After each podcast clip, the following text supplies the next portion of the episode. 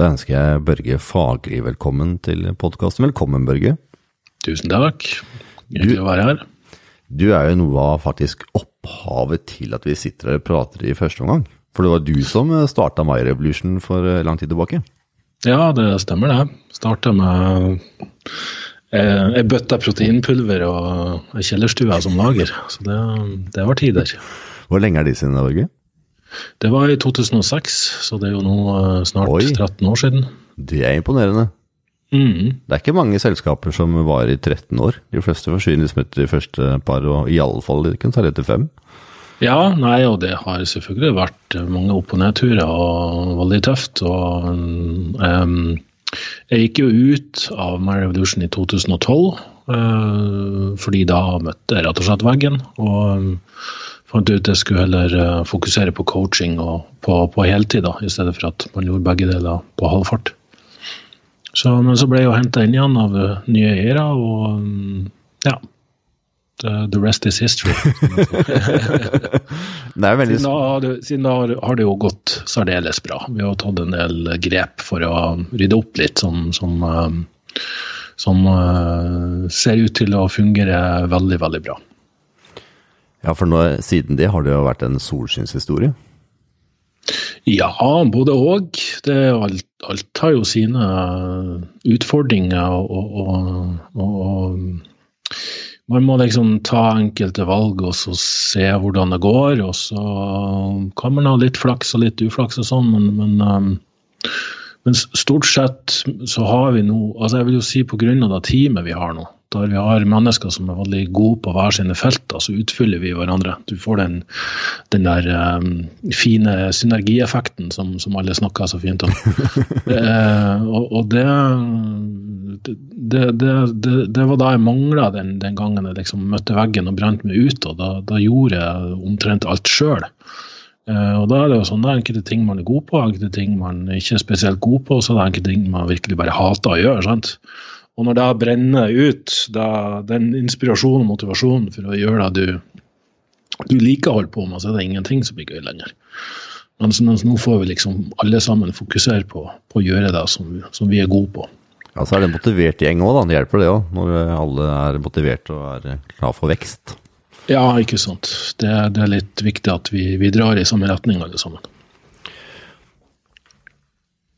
Før vi kommer inn på det, Børge, for jeg kommer til å spørre deg litt seinere, for jeg syns det er eh, og Grunnen til jeg kom til å spørre om det, det var at jeg har fått noen tilbakemeldinger fra lyttere som eh, gjerne vil høre litt om produktene også. Det her er mm. ikke noen sånn produktplasseringsepisode i det hele tatt, men eh, når forespørselen kommer, så kan jeg ta det opp litt senere. Hvorfor du har valgt de du har, og etc. For det er du som lager de. Mm. Men før det så tenkte jeg vi kunne snakke litt om det med livsstil. Og du har jo blitt småbarnspappa den senere tid. Ja. Hvordan har det vært? Sent, sent, men godt, kan man si. Eh, jo, det har eh, vel vært den mest lærerike opplevelsen jeg noensinne har hatt i hele mitt liv. Eh, og det kommer jo fra en som, som har hatt eh, totalt nerd eh, rage, som det kalles, på, på, alt som har med kroppen å gjøre og, og hodet å gjøre. liksom, og, og det å, å, følge en, en, baby liksom fra fødsel Vi hadde jo hjemmefødsel attpåtil. Der jeg fikk ta han rett i armene liksom, en gang han var født. Uh, så var det en fantastisk opplevelse. Så, um, og flotte folk rundt oss som passa på. Og, og, og, bare det å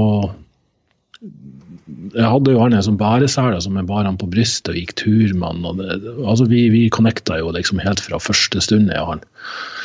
Um, så, så, da å følge en sånn liten krabat der han ser verden, oppdager verden og har en nysgjerrighet og lekenhet rundt alt han gjør, har, har vært en sånn stor eh, sånn paradigmeskifte for meg, da, der alt har vært så tungt og seriøst og alvorlig og logisk og alt mulig sånt. Jeg har jo alltid hatt en, jeg må jo si, en veldig sånn spirituell, emosjonell side av meg som har lurt på om det finnes noe mer. og sånn, og da liksom få være vitne til at et nytt liv blir født, og vite at du har vært med og skapt det, da, da det liksom bare knytta virkelig den spirituelle strengen min sånn skikkelig fast. da, At oi, det her, det her, er jo enormt, det her kan ikke forklares. Der, der har vi ikke noe logisk, eh, kognitiv, intellektualisert eh, begrepsomfang som, som kan liksom for, forklare, da. Uh, og så se hvordan han gjør seg kjent i verden og, og leker seg fram og utforsker. og Fra å, å, krype til å krabbe, og fra å krabbe til å stå, og fra å stå til å gå. Og, og finne ut av hvordan ting fungerer. Og overtar alt av mobiltelefoner og, og fjernkontroller i huset. liksom, Og vet hvor, liksom, finner ting der som Han satt med iPhonen min, og så fant han en eller annen funksjon som han satt og trykte på. bare, hva hva faen, det der visste ikke jeg. Jeg er ingeniør. Jeg skulle jo liksom vite hvordan en iPhone fungerer ut og inn. Og han fant en fiksjon som jeg ikke ante eksisterte. Så, um, og gutten er 16 måneder, liksom. Så nei, bare helt fantastisk. Um, selvfølgelig ekstremt utfordrende når det går utover nattesøvn. og han uh, ja, snur opp ned på tilværelsen, men, men, samtidig har virkelig fått meg til å ta en sånn ærlig eh, blikk på hvordan jeg lever mitt eget liv. Fordi jeg ønsker å være et så godt forbilde for han som overhodet mulig. Og, og, og, selvfølgelig kunne støtte hans vekst og utvikling og gi rom for hans vekst og utvikling i, i, i mest mulig grad. Um, og så selvfølgelig den frykten for å gjøre feil. ja. den, den, er jo sånn altoppslukende. og bare, Å, herregud, tenk om hvis, og hele den greia der. Kjenner du den? Det, ja, ja, og så var det noen som sa til meg Det var faktisk uh, Her er jo sikkert uh, a little known fact about me. Det at uh, jeg går uh, Soulspring-kurset hos Martha Louise og, og Elisabeth Nord Norang. Gjør du det? For å virkelig utvikle den spirituelle biten av meg sjøl. Hvordan har det vært, da? Nå ble jeg veldig nysgjerrig. ja, ikke sant. That's another time, another place, kanskje. At vi går inn på den diskusjonen. Men jeg, jeg har fått utrolig mye fint ut av den reisen der, den læringa der, og faktisk utvikle mer av min Kall det min intuisjon, da. Stole mer på min intuisjon. Eh, så, så, kom, så, kommer det ofte opp det her med liksom barn og forholdet til våre barn, og, og da skal passe på at de, de, får det de vil, nettopp fordi vi har det forholdet vi har til våre egne foreldre, og, og på godt og vondt. sant? Og, og, mange bruker gjerne den der at ja, jeg er sånn og sånn fordi min mamma var sånn mot meg, eller min pappa var sånn mot meg. Og det, det er også på godt og vondt. Noen har liksom traumatisert av sine foreldre, og, og likevel ender de opp med å bli helt ok. Og noen har hatt en fantastisk oppvekst og, og er på rehab den dagen. så altså, det er ikke noen åpenbar korrelasjon der heller. Nei. Selv om det er fort gjort at man uh, kan skylde på det. Mm. Det er mye studier på det, da, som viser at uh, gener har mer å si i miljø. Så. Ja, ikke sant. Så, så, det er mye som spiller inn der. Um, men det jeg syns var veldig befriende å få høre, uh, det var at Eh, noe som de også har fått hørt av sin læremester, det var at um, folkens, vår oppgave som foreldre det er å traumatisere våre barn. En gang til. Vår oppgave som foreldre det er å traumatisere våre barn. Og da høres jo liksom fryktelig ut hvis du Det er sikkert logikk i det her, antar jeg? Ja. Altså, det går jo ikke ut på at vi skal liksom straffe våre barn eller liksom gå inn for å, for å traumatisere dem. Men det er mer en sånn aksept av at din rolle som foreldre, nesten uansett hvor perfekt du er da, så vil det på godt og vondt prege og merke dem på en sånn måte at de en gang kan sitte og, og si at eh, det du gjorde mot meg, eller det at du ikke forsto eller var til stede akkurat da, på et veldig sårbart eh, tidspunkt i livet mitt, det har gjort at jeg føler sånn som jeg gjør nå, eller eh, har opplevd den delen av oppveksten min som spesielt utfordrende og sånn. Eh, fordi jeg tror vi har kanskje en sånn, sånn feilaktig illusjon om at hvis, hvis, livet er problemløst og problemfritt, så vi, vokser vi opp og blir helt perfekt. Men, men det er det noe vi vet og kan garantere, så er det jo nettopp at det er jo utfordringer og problemløsning som både gjør oss lykkelige, og som gjør at vi vokser og blir sterkere. Det kan se på en plante.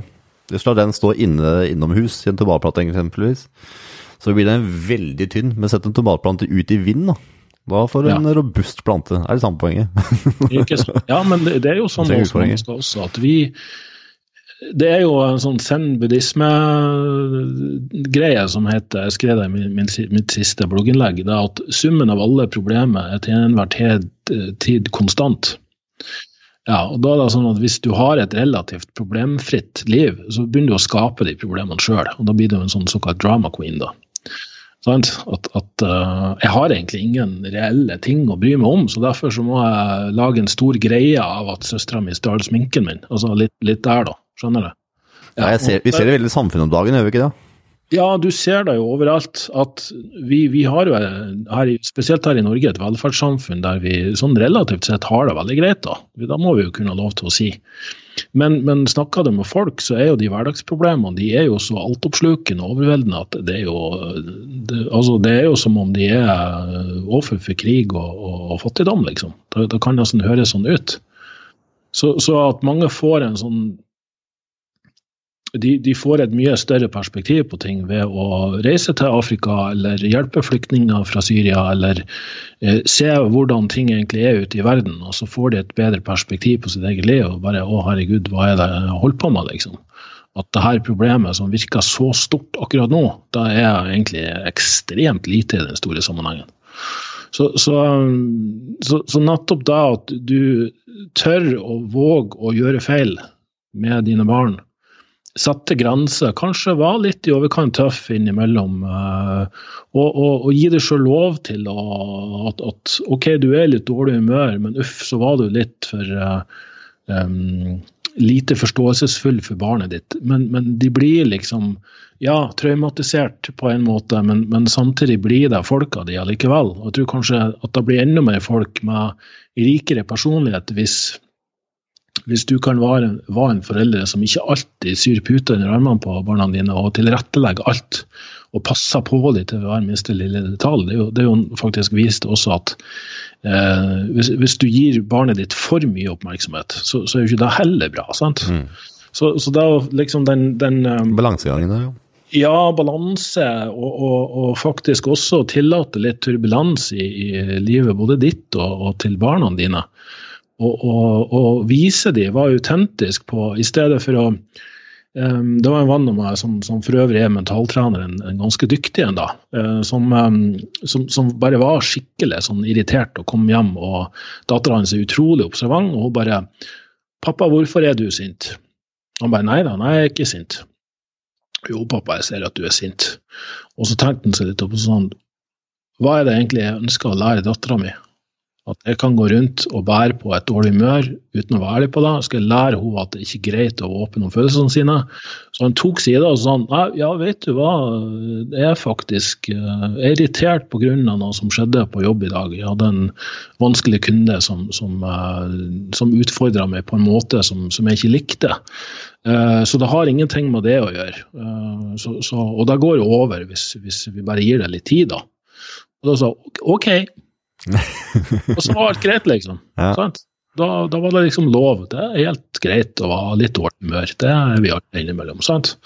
Så, så, jeg tror kanskje det kan være greit å, å å reflektere litt over det her med, med at, at, det blir sånn, sånn, overdreven snillisme der vi omtrent ikke slipper barna løs ut for å leke lenger fordi alt er så skummelt og farlig. Sånn, men, men, hva vil du ha for noe? Vil du ha en, en svekling som aldri tåler å, å, tape i noe, eller å bli valgt sist, eller å, å kanskje ikke få sjanse på den jenta han er forelska i? Eller, altså, livet er jo fullt av sånne ting, så, så, jeg tror heller det er bedre å gi barna våre de ressursene og verktøyene som, som trengs for å bli sterkere. Jeg tenker det med å lære bort et tankesett som gjør at man klarer utfordringer. Da. Det har i hvert fall litt vært min uh, greie, i alle fall. Når, uh, bare ta et eksempel. Jeg har en sønn på nå over fire og en på 16 måneder. Og det har jo vært veldig mye ak, da. Og jeg har jo vært litt sånn veldig seriøs, jeg òg. Men jeg har funnet at det være så veldig seriøs hele tida, det går ikke når man har barn. Man blir med leken. Så, så jeg fant ut ja. at i år, om masse snø og vinter, da må far ut med akebrett. Det var liksom mm. ikke noe Hvem var mest ivrig på akebrettet? Det var selvfølgelig faren. så, så det var sånn etter hver, hver dag i barnehagen, nå skal vi ut og skli. Og, ja. Eh, og, jeg, og, jeg, kjente den derre Å slippe løs den derre Jeg tror vi menn kanskje er litt bedre som kvinner, men eller er verre mm. sånne kvinner. Vi er veldig sånn fastlåst og skal være seriøse og se seriøse ut og være ordentlig og sånn. Men i det øyeblikket far koser seg nedover akebrettet og det, å, det liksom løsner på alt. Det er viktig, altså. Å Ja, vise ja, at man kan liksom slippe seg løs. Men en annen ting da, som var litt av poenget, det var at eh, han begynte i starten med å si at det kan hjelpe med å ta på akebrettet. Og jeg bare nei da, kom igjen. Jeg kan holde i handa, men du kan dra akebrettet selv. Og så måtte lære det med å De siste meterne så er det tungt. Alle vet det er tungt å dra drakebrett, akebrett, spesielt for en fireåring. Men så er det kom igjen, de siste nå, så er det på toppen, og så gi liksom en klapp når man kommer på toppen. Og lære seg til at å, de siste er tungt, men du klarer det å komme opp. Det, jeg tror det er de tankene der, da. Å Tidlig Ja. lære seg til at vet du hva, stå på litt til nå, så kommer vi til enden, vet du. vi, Ja, vi kommer igjennom. Ja, og faktisk da også å, å gi dem kred for at de prøver, Mm, og gjør en innsats. Du trenger ikke å vinne alt i livet. Nei, absolutt ikke. Så det der med mm, Da var jo en større diskusjon rundt det her med at alle, alle skulle få diplom, alle skulle få pokal, enten de vant eller ikke. Eh, Det er ikke sunt, altså. Det er ikke. Vi, vi har tapt mye opp gjennom årene, men, men det var jo faktisk det som gjorde at vi, at vi ble sterkere, da. Det at alle kan ikke vinne, alle kan ikke være best, alle kan ikke være gode. Så nå har det nesten blitt en sånn mentalitet at alle skal være eh, bedre enn alle andre, typ. Og det, det, det er egentlig litt skummelt. Det, er faktisk med å faktisk kunne akseptere at på enkelte ting så er jeg faktisk helt middelmådig. Eller skikkelig ræva. ja, jeg er skikkelig ræva. Jeg syns det er befriende. Ja. Men, men eh, samtidig så kan du også, sjøl om du ikke har den, verken den perfekte kroppen eller utseendet, eller hva ennå, så kan du allikevel prøve. Du kan gjøre dine ting. Du, du kan bli bedre. Du kan jobbe med å bli bedre. Og det er jo relatert igjen til den artikkelen jeg har skrevet om at det å bli glad i reisen, det å, å nyte prosessen, vekst, tankesett, det er nesten sånn Det gjennomsyrer alle de som faktisk er blitt det en eller annen gang. nå det. Det Veksttankesett så er det der, eh, som er clouet, tror jeg. Og jeg merka det selv da jeg begynte å bruke den til det meste, så hvor mye enklere ting blir. Ja.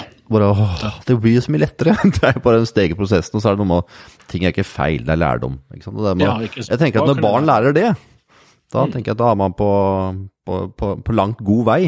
Og da er jeg veldig nysgjerrig på, Børge, for det, mange har jo hørt at det, særlig før de får barn, da, så er det veldig viktig å få riktig med søvn. Og jeg tror mange småbarnsforeldre kan erfare at ikke de får så mye søvn, og så begynner vi å henge oss opp i at ja, men jeg skulle hatt de åtte timene nå. Da blir jeg sjuk hvis ikke jeg får de åtte timene. Hva har dine tanker vært om det? For når du egentlig vet at jeg burde ha åtte timer, så sier du at ja, men det er ikke mulig å få til. um, jeg tror at vi mennesker er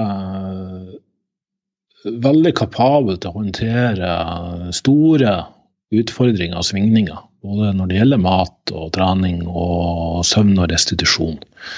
Um, sånn at uh, det er fullt mulig, og det her er jo sant, i ekstreme tilfeller vist på militærpersonell, hvor lenge kan man klare seg på lite søvn. Og, og vi, vi kan klare oss overraskende lenge så fremt vi tar de nødvendige forhåndsreglene. For, ja, forhåndsregler.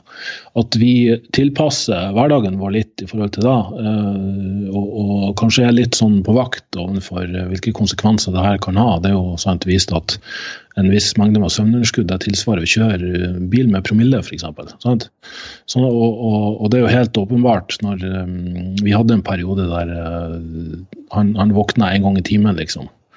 Og da våkna alle en gang i timen. Det, jeg, jeg vil jo ikke liksom være Jeg vil jo ikke gå og legge meg på et separat rom bare for å sørge for at jeg får søvn. Sånn. Også jeg vil på en måte dele utfordringa da.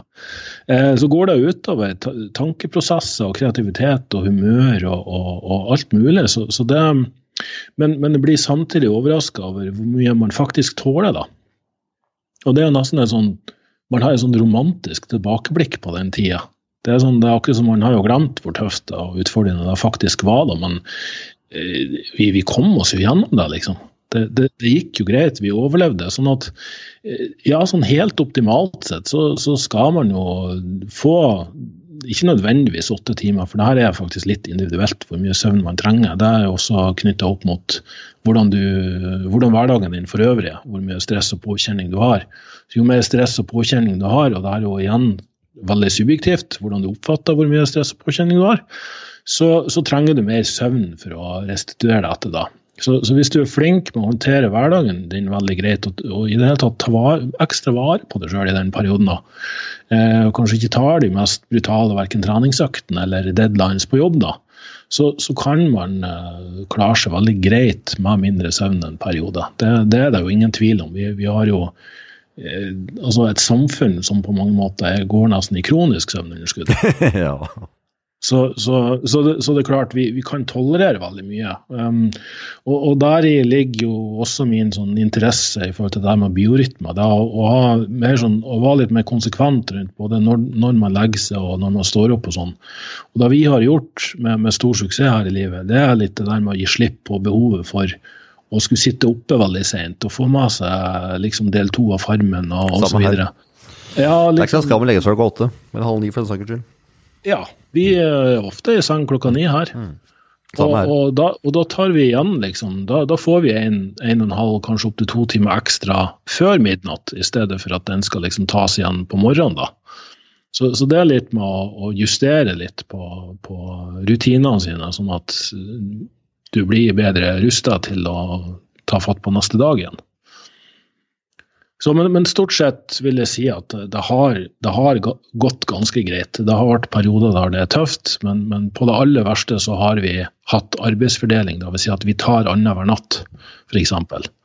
Mor legger, mor står opp om natta, eh, mor står opp om morgenen. Eller det skal jo faktisk sies at far alltid står opp om morgenen fordi jeg er blitt et A-menneske. Eh, så jeg står opp om morgenen og har den hyggelige stunden med, med, sønnen min før han skal i barnehagen. Jeg syns det er veldig koselig, liksom. Og jeg våkner uansett tidlig, så det er greit. Men da å faktisk kun eh, fordele ansvaret litt, at du i, i, dag er bare ekstra sliten, kan du ta mating og legging og bleieskift og alt det der? Ja, herregud. Så gjør jeg det samme for deg i morgen, så får du slappe av da, liksom. Så, så, den er veldig fin. Så selvfølgelig så fremt man er to, at man ikke er aleneforeldre. Så, så all kred til de som er aleneforeldre. Det er iallfall helt tøff, sikkert. Tøft nok for, for, to personer. altså. ja. Hvordan har det vært å balansere i forhold til kosthold og trening, da? Du, vet du, det uh, var en prosess som starta egentlig før Isak ble født. Det her med um, at, at nå har jeg gjort det her så mange år og, og, bruker fremdeles utrolig mye tid på å gruble og tenke og analysere og filosofere. Og det er selvfølgelig eh, det er selvfølgelig bidragsytende faktor til at jeg kan såpass mye om det som jeg kan. da. Jeg har alltid skal man si, tvilt på egen kunnskap, eller ville utfordre om det jeg tror på og kan riktig. Så jeg har alltid faktisk prøvd å motbevise meg sjøl, for kun da kan jeg si at hvis jeg ikke klarer å motbevise meg sjøl, da, da, har jeg jo faktisk rett. Skjønner du? Ja. Og den er kanskje flere som burde hatt den. Uh, når jeg ser meg litt rundt, uh, at, at, mange tror at de, de, vet alt og kan alt. Det, det er litt sånn Nja, er du sikker på det, liksom? Um, men um, gjennom den prosessen så, så, har jeg på en måte en gang for alle da kommet fram til at, at nå er det på tide å, å slippe litt tak i all denne grublinga, filosoferinga og analyseringa. Du har på en måte Hvis jeg reflekterer over de siste 20 årene, så, så, så er det egentlig ingenting nytt. Sånn, sånn, i bunn og grunn. Det er ikke noe nytt. Vi har lært flere detaljer om det samme. Men det er ikke noe sånn der at, at, vi plutselig gjør ting totalt annerledes enn vi gjorde for mange år tilbake. For det, det, er litt det her med å faktisk også i større grad begynne å, å, å stole på kroppen. da. At, at kroppens signaler, når du selvfølgelig koker vekk der helt hedonistiske begjæret etter å spise sjokolade og trykke trynet fullt av kebab når du har vært på fylla, så, så, det, så, så, har vi en kropp som, som har som hovedfunksjon å holde seg lengst mulig i live og ha god helse. Eh, så, så, veldig ofte når du, når du, fjerner mye av den støyen fra samfunnet og det presset og, og, og den forventningene og eh, i hele tatt all den der eh, romsteringa, mentale romsteringa rundt hva som er riktig og galt og sånn, så, så har vi et veldig godt utvikla instinkt på hva vi føler oss best på og har det bra på. Og, og, og, kanskje også med den innsikten at det her er noe som gjerne kan endre seg over tid, både fra sesong til sesong og år til år. Så kan man i mye større grad, hvis du setter en positiv intensjon om at hva gjør at jeg føler meg bra? Eh, hva må jeg spise for å ha, en, en, ha god energi, stabil energi, og, og, ikke gå rundt og være sulten til neste måltid, eller føle at jeg går rundt og sulter meg hele tida, eller føle at det går og presser i meg noe hele tida. Så, så, selvfølgelig er det Jeg ønsker at folk skal få så mange referansepunkter som mulig. Hvis du f.eks. alltid kun har spist lavkarbo Så lenge du føler bra på det, helt greit. Men hva om du prøver en periode å spise mye mer karbohydrater? Og jeg har jo, som mange vet, uh, kjørt et eksperiment der jeg kun utelukkende spiste kjøtt over en lang periode. Det gikk overraskende bra. Det gikk veldig, veldig bra. Det var mange ting i kroppen min som jeg har gått og vært plaga med i, i, hele mitt liv, som forsvant når jeg uh, spiste kun kjøtt. Og lignende historier. For de som er interessert i å lese den delen av um, spekteret, da, de kan gjerne gå på en nettside som heter meatheals.com og se folk som har kurert alle mulige tilstander basert på det. det. Bare, bare, for å liksom ja. avslutte den, fordi det har blitt oppfatta som veldig ekstremt av mange. Men jeg har også hatt en periode der jeg spiste rent vegansk kosthold. Så, så, for meg har det handlet om jeg har spist lavkarb, jeg har spist høykarb og ekstremt lite fett. Jeg har spist vegansk, jeg har spist alt midt imellom, og jeg har spist kun kjøtt. Det har gitt meg referanseopplevelser og, og, erfaringer som gjør at jeg i mye større grad nå tør å stole på at når jeg spiser sånn og, og gjør sånn i forhold til eh, en rekke faktorer, da, om det er stress og påkjenning, eller det er sollys og mangel på sollys, om det er vinter eller eh, sommer, så vil jeg føle meg på en bestemt måte. Og så kal liksom kalibreres det her gjentagende over tid og spontant over tid. Så, så, jeg har en viss base i mitt kosthold, uh, men, men, som nå i mye større grad, fordi jeg endelig klarte å må jeg si, lukke den døra bak meg for godt. da. Jeg har liksom gått gjennom den døra for veldig lenge siden, føler jeg. Men jeg har liksom aldri klart å lukke den helt bak meg. Jeg har gått, stadig gått tilbake og begynt å jeg skal prøve det og det eksperimentet. Nå skal jeg prøve 400 gram protein om dagen. Nei, nå skal jeg prøve 100, 100 gram protein om dagen. Nå skal jeg, altså, skjønner du? Alt mellom himmel og jord har jeg liksom testa ut. Men så bare vet du, Nå er det på tide, nå, nå vet jeg alt jeg trenger å vite. i forhold til det. Nå må jeg stole mer på hva kroppen min forteller meg at den trenger til enhver tid.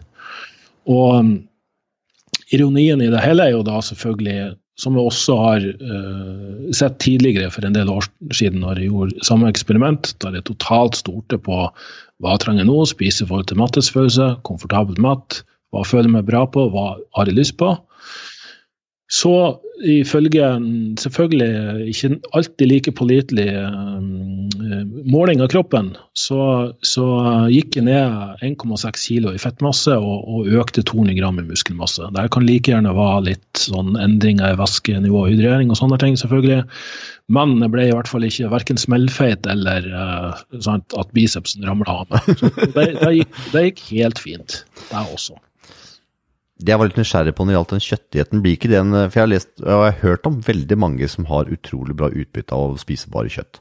Er ikke det en, bare en form for utelukkelsesdiett, da? Der fjerner man på en måte alle andre ting man kan reagere på, og så sitter man igjen med kjøtt? Jeg har ikke noe øh, Jeg kan ikke si øh, med 100% sikkerhet hva det koker ned til. Men jeg tenker at um, det vil nok være individuelle forskjeller avhengig av hvilket opphav du har. Der de som har gjennom generasjoner levd rundt ekvator, i mye større grad kan eh, trives på plantekost fordi det har vært tilgjengelig hele året. Så er det kanskje sånn at enkelte um, vil ha reaksjoner. Fordi det har ikke vært naturlig for deres forfedre gjennom generasjoner å spist f.eks. ananas eller banan i desember.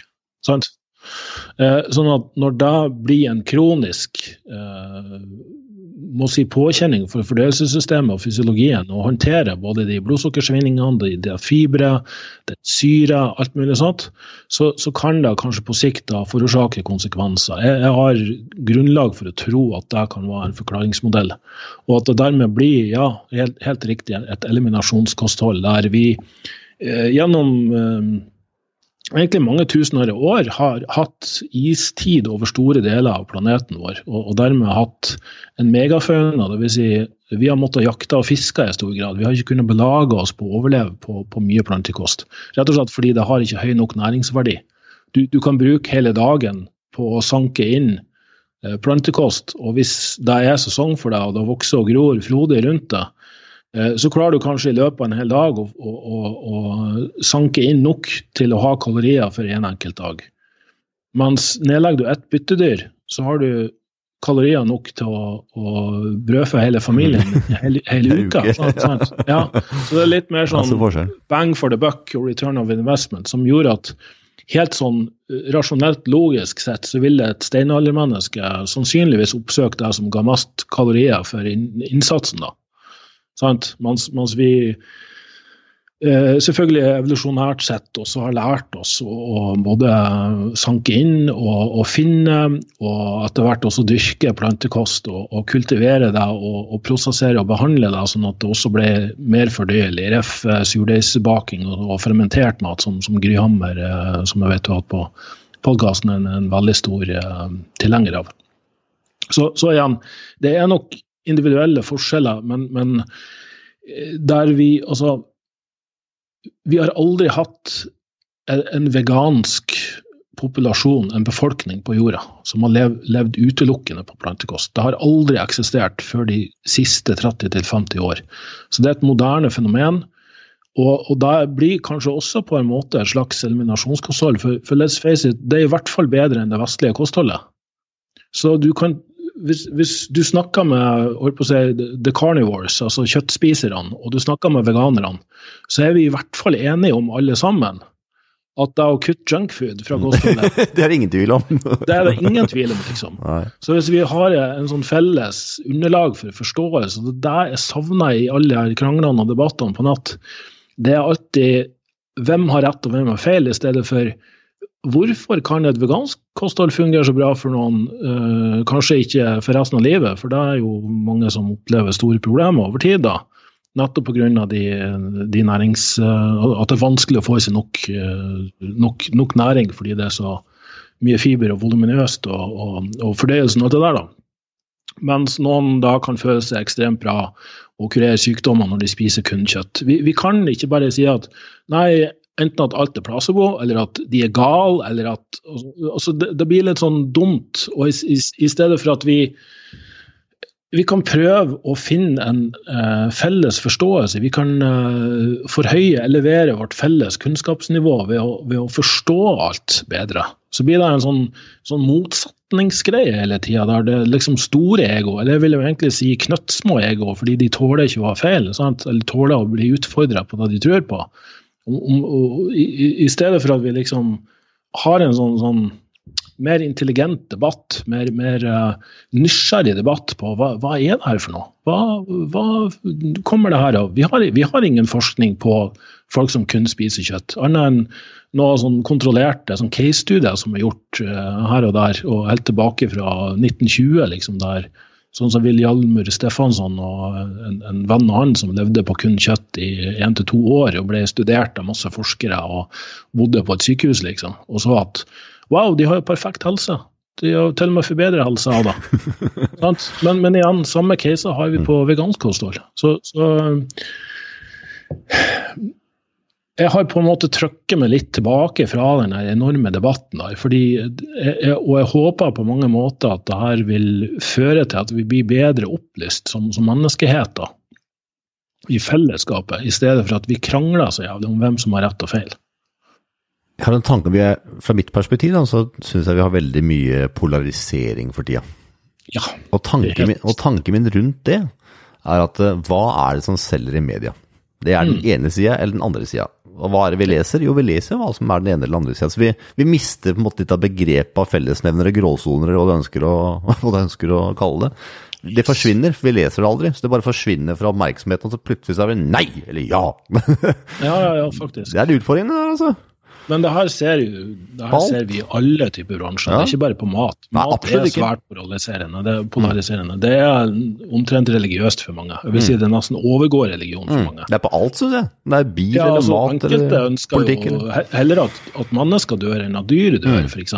Selv om vi liksom av natur har vært jegere gjennom millioner av år, så er det litt sånn Ja. Øh, ja, ikke sant. Jeg går ikke inn i den debatten der. Men det blir mye, sånn, det blir mye rart, syns jeg. Det blir mye sånn Her er det noen som har mista bakkekontakten fullstendig, liksom. Ja.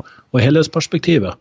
Men jeg, jeg, ser det her i, i bilbransjen, Samme. der det liksom kjekles om, om, bensin versus diesel versus hybrid versus elbiler. Altså, du, du slipper ikke unna det noen steder. Jeg tror folk av natur ønsker å, å, å krangle litt. da. Mm. Ja, så er vi veldig sånn der gruppeavhengig, da. Så jeg tror at Ja. hvis man finner en gruppe man. Yes, Så finner man liksom en gruppe å være medlem av, som da er den gruppa der. Så hvis det er noen som prøver å si noe annet, så skal jeg love deg at da skal jeg kjempe på den gruppa, selv om jeg kanskje har eh, tatt litt feil noen ganger. Ja, ja, ja. Men så stå, må vi stå i gruppa. Så er, vi mennesker er jo egentlig en veldig, misforstå meg rett, men ganske enkle dyr. ja, vi er jo egentlig det. Vi er jo egentlig det. Og så plutselig så blir vi satt inn i et eh, samfunn der som vi blir eh, Så hva skal jeg si? Vi alle kan lese hva vi mener, og vi må gjerne si hva vi mener, og alle, alle skal selge oss noe. Ja. informasjon er liksom så lett tilgjengelig nå. Og så Ja. er det så mange meningsbærere som bombarderer oss med sine meninger. Mm. At uh, det er liksom alltid en sånn evig kamp rundt mine meninger riktig, eller er Mm. den andre personens meninger riktig? For vi er eksponert for så mye mer informasjon og meninger enn vi noen gang har vært Mm. før. Og der er ikke mye growth mindset, altså. Det er faktisk ikke det. Det, blir veldig sånn bombastisk og, bastant. da. Er Så jeg, jeg syns det er litt skummelt, og jeg håper kanskje at denne trenden snur litt etter hvert. Ja, Det er bare synd at polariseringen selger. Så i det øyeblikket media slutter å skal selge noe, da kanskje det roer seg litt. Ja, ikke sant. Det, det blir veldig sånn sånn som mitt budskap da, når folk, spør meg ja, hva mener du at vi skal spise. Da, da pleier liksom mitt standardsvar å være um, jeg synes at vi bør spise kortreist mat, helst økologisk, sesongbetont, som, som, som vokser naturlig og frodig og har mest mulig næringsverdi i det området du bor i, og det samme som dine forfedre gjennom generasjoner har spist. Bare med den setninga så dekker du egentlig 99% av kostholdet for uh, flesteparten av befolkninga. Så kan vi begynne liksom diskutere detaljene rundt det. Men, men et sånt budskap hadde aldri solgt, og da, da selger jeg ikke. Det er litt av grunnen til at jeg liksom begynner å, å, å eh, ja, gi litt opp den treningsbransjen, for å si det på den måten. De som følger med på nyhetsbrevet, har, har fått med seg den beskjeden her om at nå, nå er jeg liksom bare kommet til et punkt der jeg egentlig ikke føler at det at jeg, føler sjøl at det drukner litt i støyen. da. Og jeg har ikke krefter eller motivasjon lenger til å, til å prøve å rope høyere. Blir Så- poengløst. så- Ja, det er egentlig det. Og det er egentlig litt sånn trist også at det har blitt sånn. Samtidig så vil det ikke framstå som sutrete eller noe sånn offer i det hele.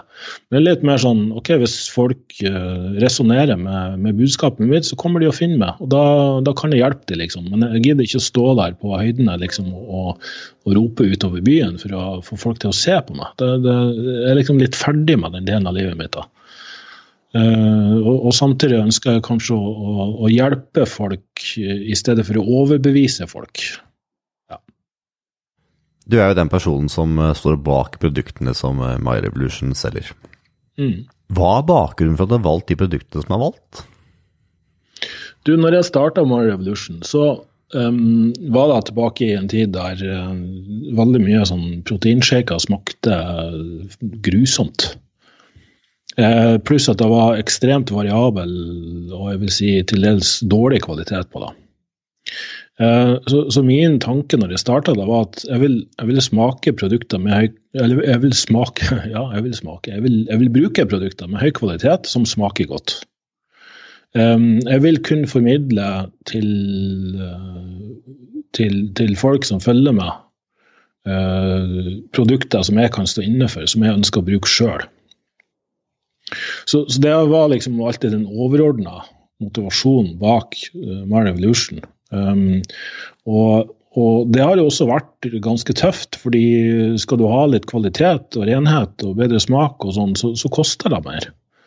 Så, så, det har vært sånn lavprofittselskap i mange mange år, og det tok ja, fem-seks år før det gikk ut i null omtrent. Så det var egentlig et stort tapsprosjekt i, i, starten, også fordi proteinpulver er liksom masseprodusert og, og, og, veldig dyrt i forhold til, til mange andre ting. da. Um, og, og, utover da så er det for meg viktig å, å være litt innovativ, og ikke prøve å kopiere liksom, det som andre gjør i så altfor stor grad. Det er sånn Oi, her er liksom Vitapro og et eller annet antioksidanter og masse greier som, som gjør at du, du, du liksom lever lykkelig og, og, smiler hele dagen, liksom. Um, jeg, vil heller være den som kan se potensialet i ulike ingredienser. så Jeg, jeg liksom bruker mange databaser og, og, vitenskap for å se finnes det noe god forskning på det her. Eh, finnes det noe interessant forskning som ikke nødvendigvis er, uh, har den, den um, uh, altså, for, fordi det, det, det, er en sånn ulik grad av hvor, eh, hvor mye forskning som må til for at noen er overbevist om at dette fungerer, hvis du skjønner. Så det kan fungere bra i én kontekst, men inntil vi har flere studier på det, så har du to valg. da. Skal du vente til det kommer mer forskning på det, som, som fungerer i alle mulige settinger, kontekster og målgrupper, eller skal du ta en, en råsjanse, og så prøver du det her ut? For hvis, hvis, med mindre det er giftig eller skadelig, så skader det i hvert fall ikke å prøve. Og da er vi litt på det her med Eh, at, at eh, hvis, hvis, at mange nok har brukt det over lengre tid og, og, og sier at du, det her er faktisk en merkbar effekt av kontra et annet produkt eller ingrediens som, som ikke har det, så, så mener jeg at selv om vi ikke har nok forskning ennå, så kan vi ikke gå og vente på at det skal komme nok forskning for å kunne si at det her er verdt å, å prøve å ha i et produkt.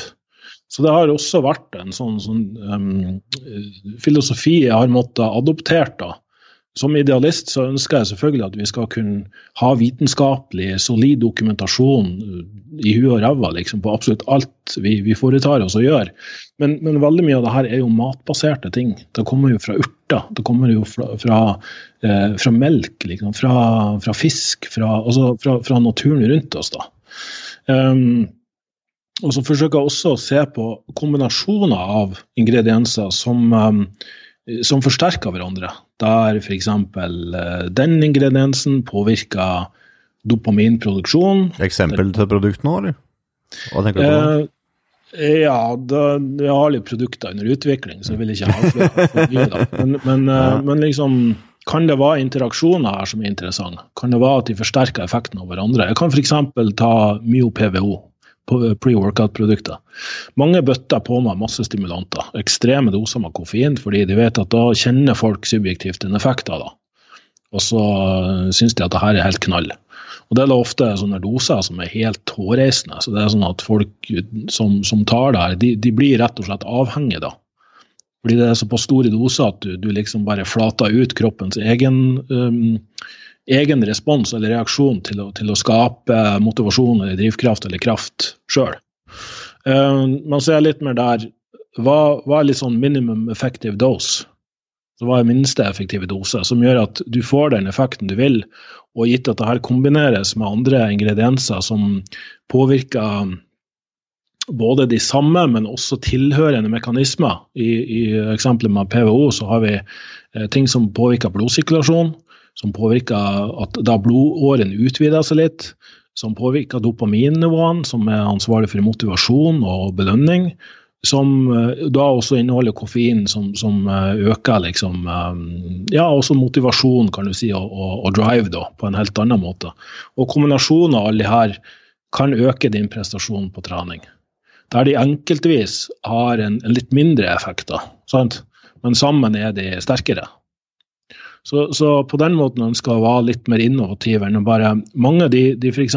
søker opp uh, performance eller uh, uh, stimulant eller noe sånt, og så får du en, en rekke med ingredienser. Og så tar du maksimal dose av alle de. ja. Og så satser du på at det går bra.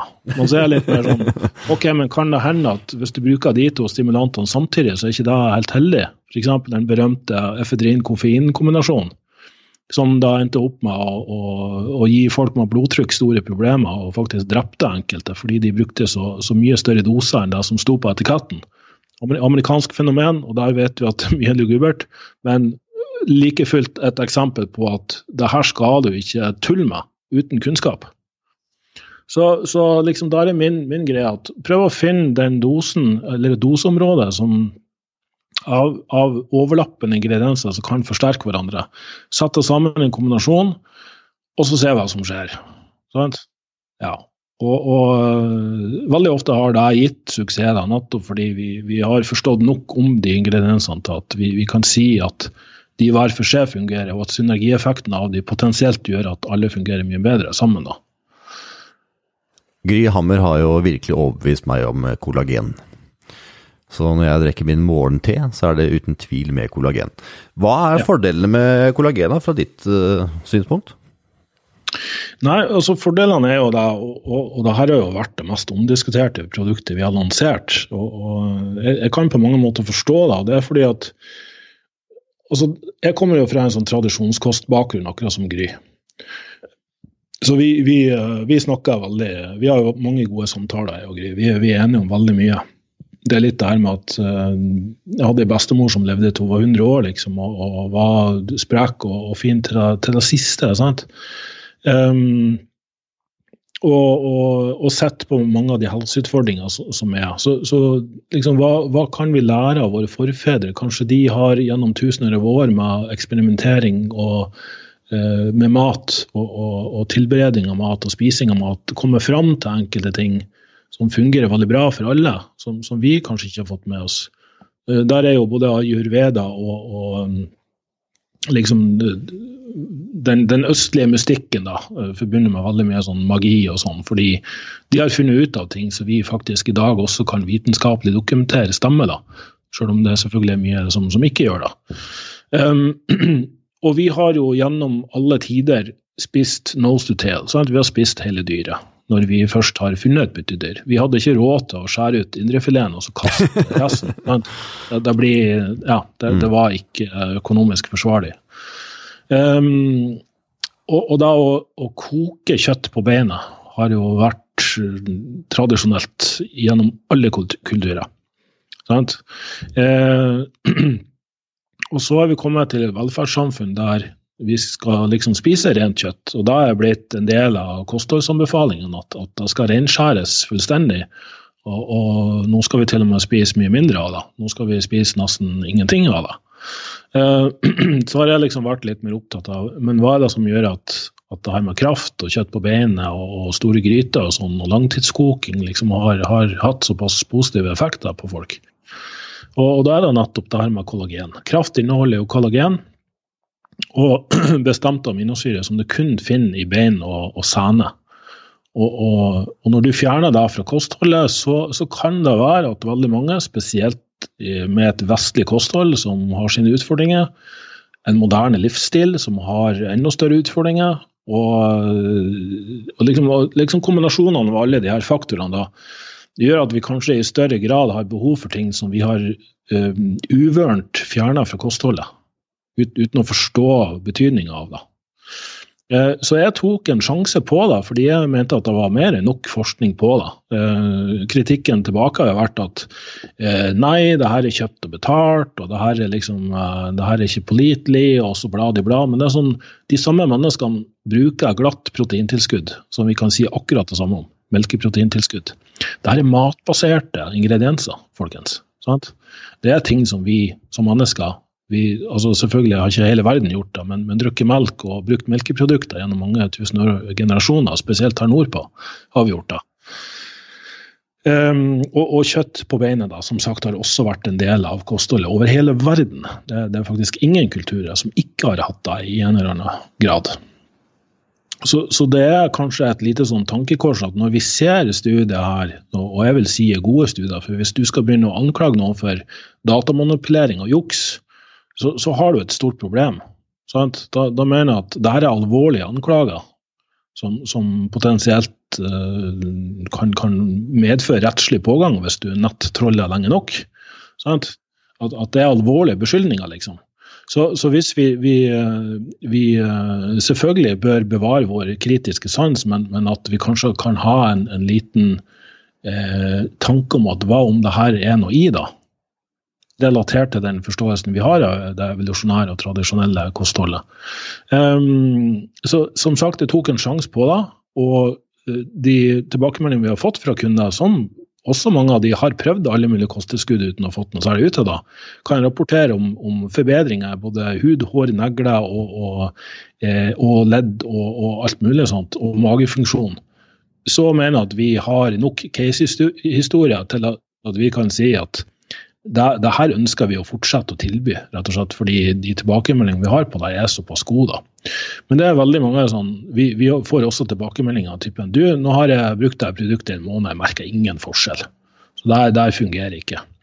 Men det er sånn, OK, men det, det blir litt som å si du, du nå har jeg nå har jeg begynt å spise uh, grilla kylling i ovn, ovnsbakt kylling i ovn. For der får du òg veldig mye kollagen. Du vet den gelatinøse massen som samler seg nedi når du avkjøler det her.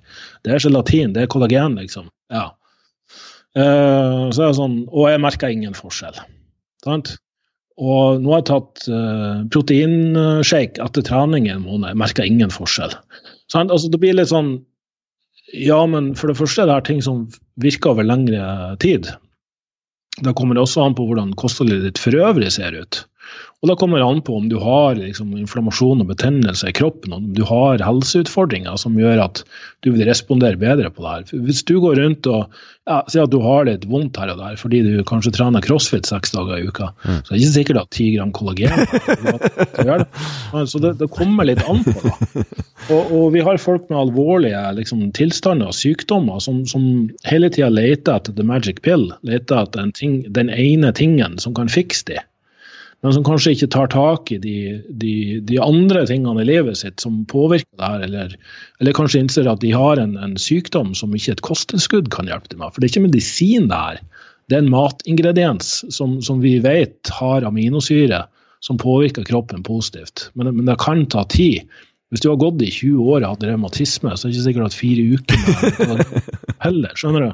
Ja, og grunnen, ja, og grunn, og grunnen til at jeg ler, Børge, er at det her tror jeg går igjen i alt. Jeg jobber jo ved siden av lage podkaster også som mentaltrener. Ja. Det er sånn at Etter én time, altså etter én sesjon, da, så tenker man ja, nå har jeg, nå har jeg løst det problemet for alltid. Det er ikke sånn. det er ingenting som Nei, er, er sånn. det er vekst, veksttankesettet igjen.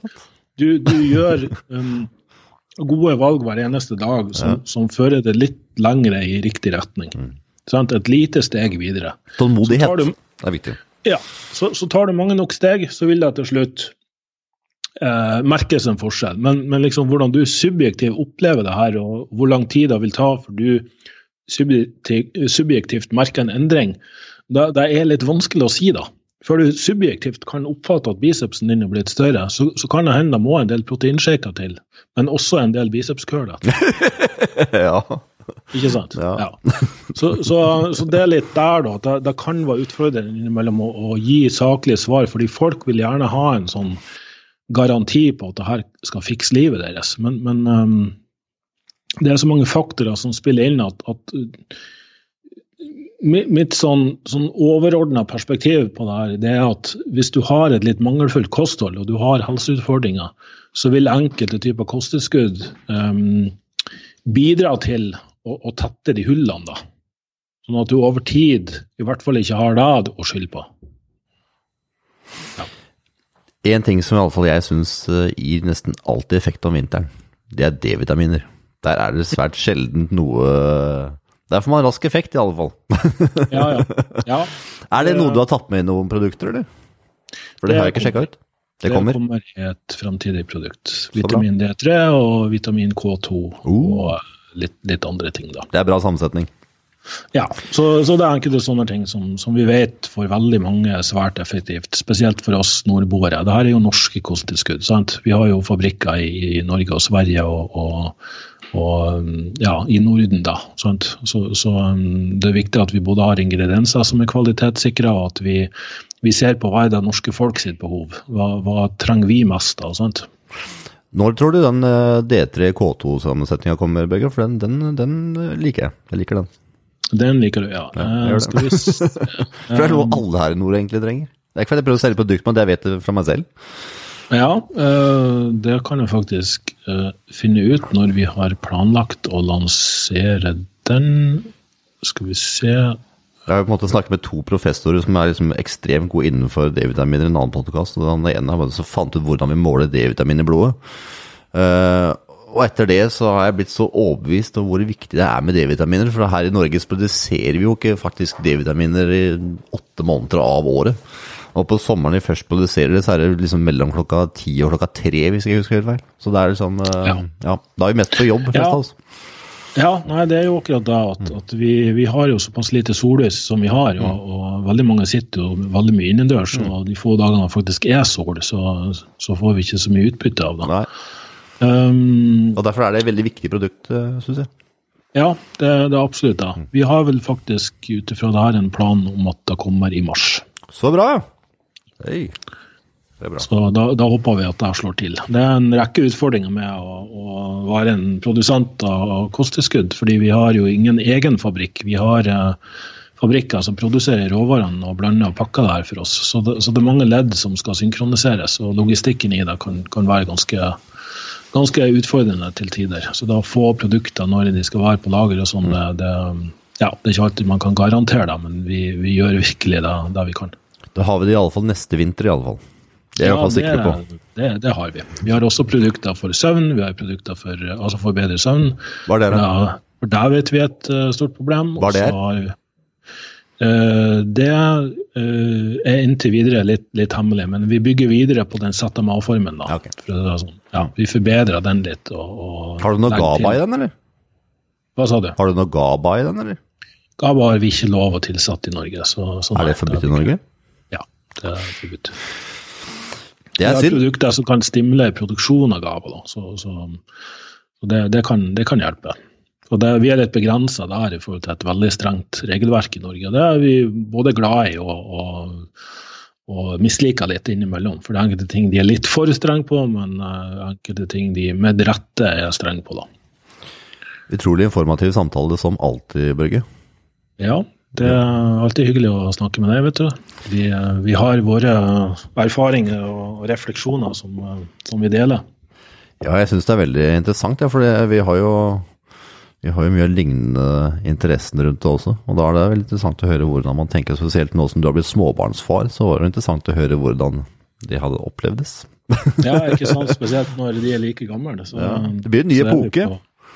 Hva? Det er, jeg tenker at det er sånn ett liv før barn, og så er det ett liv etter barn. Ja, det, det er faktisk helt riktig. Helt enig i det. Så, men jeg vil si at det som sagt har forandra livet veldig positivt. Det har virkelig rotfesta de prioriter den prioriteringslista ordentlig. da.